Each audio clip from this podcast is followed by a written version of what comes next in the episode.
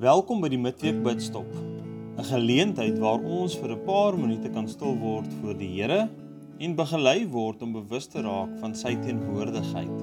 Te luister na sy woord, dit te oordink en tot God drie enig te bid.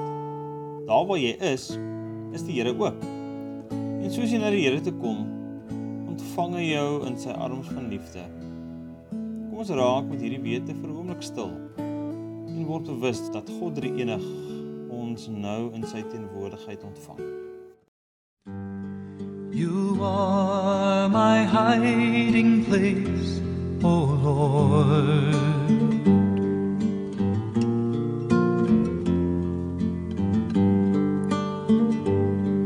You save me in my distress.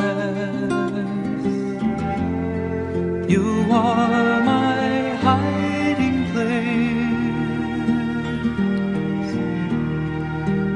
save me from distress.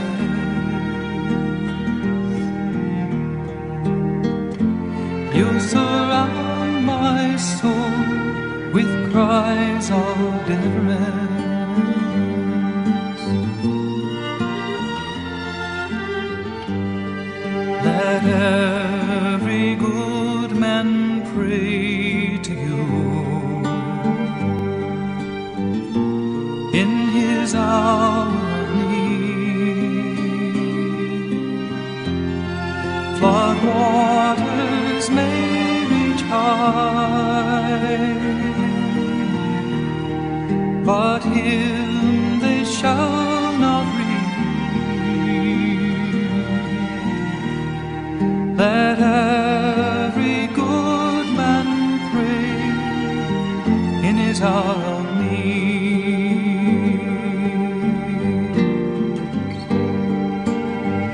You are my hiding place, O Lord.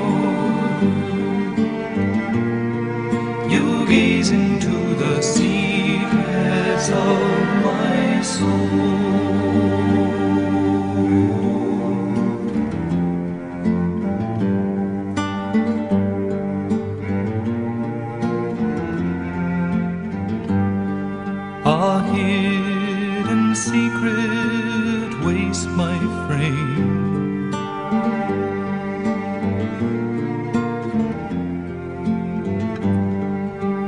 groan through the night and cry through the day.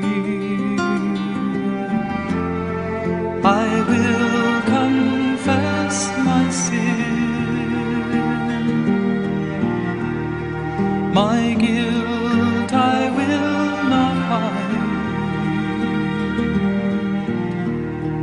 I will confess my pride, and God will forgive.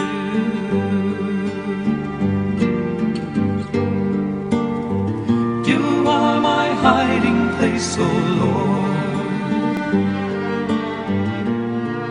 You gaze into the secrets of my soul.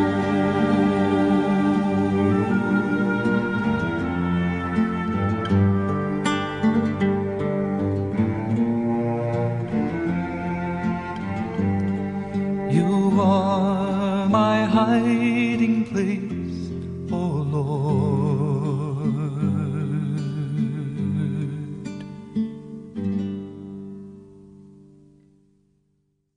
Ons lees vandag Matteus 6 vers 5 tot 15. Verder as jy bid, moet jy nie soos die skynheiliges wees nie. Hulle hou daarvan om in die sinagoges en op die straathoeke te staan en bid sodat die mense hulle kan sien. Dit verseker ek julle. Hulle het hulle beloning klaar weg. Nee, as jy bid, gaan na jou kamer toe, maak die deur toe en bid tot jou Vader wat jy nie kan sien nie. Jou Vader wat sien wat verborge is, sal jou beloon. Wanneer jy bid, moet jy nie soos die heidene 'n stortvloed van woorde gebruik nie. Hulle verbeel hulle hulle gebede sal verhoor word omdat hulle baie woorde gebruik. Moet dan nie soos hulle maak nie, want julle Vader weet wat julle nodig het nog voordat julle dit van hom vra. so moet julle bid. Ons Vader wat in die hemel is, laat U naam geheilig word. Laat U koninkryk kom. Laat U wil ook op die aarde geskied, net soos in die hemel. Gee ons vandag ons daaglikse brood en vergeef ons ons oortredings, soos ons ook die vergewe wat teen ons oortree. En laat ons nie in versoeking kom nie, maar verlos ons van die bose. As julle ander mense hulle oortredings vergewe, sal julle hemelse Vader julle ook vergewe. Maar as julle ander mense nie vergewe nie, sal julle Vader julle ook nie julle oortredings vergewe nie.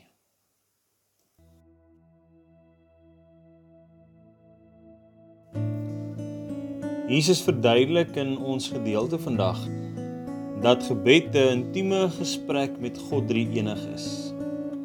Baie mense in die wêreld en in daardie tyd het op plekke gaan bid waar mense hulle kon sien, dalk om aansien en eer vir hulle self te ontvang.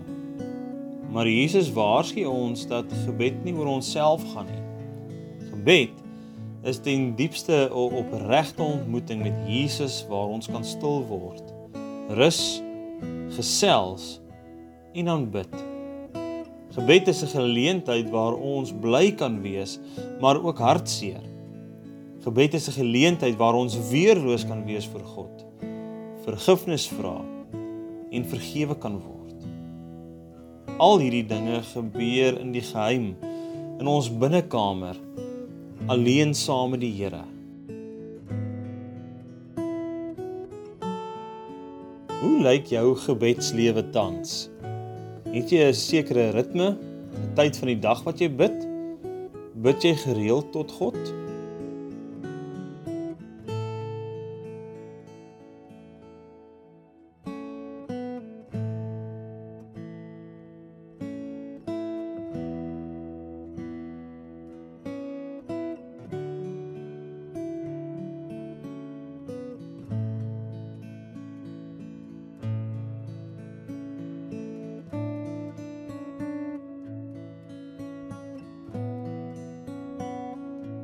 Dink so 'n bietjie oor die inhoud van jou gebed. Wat sê jy vir die Here? Is dit lofprysing, versoeke, jy dalk verander in? En watter een sou jy sê is prominent in jou gebed?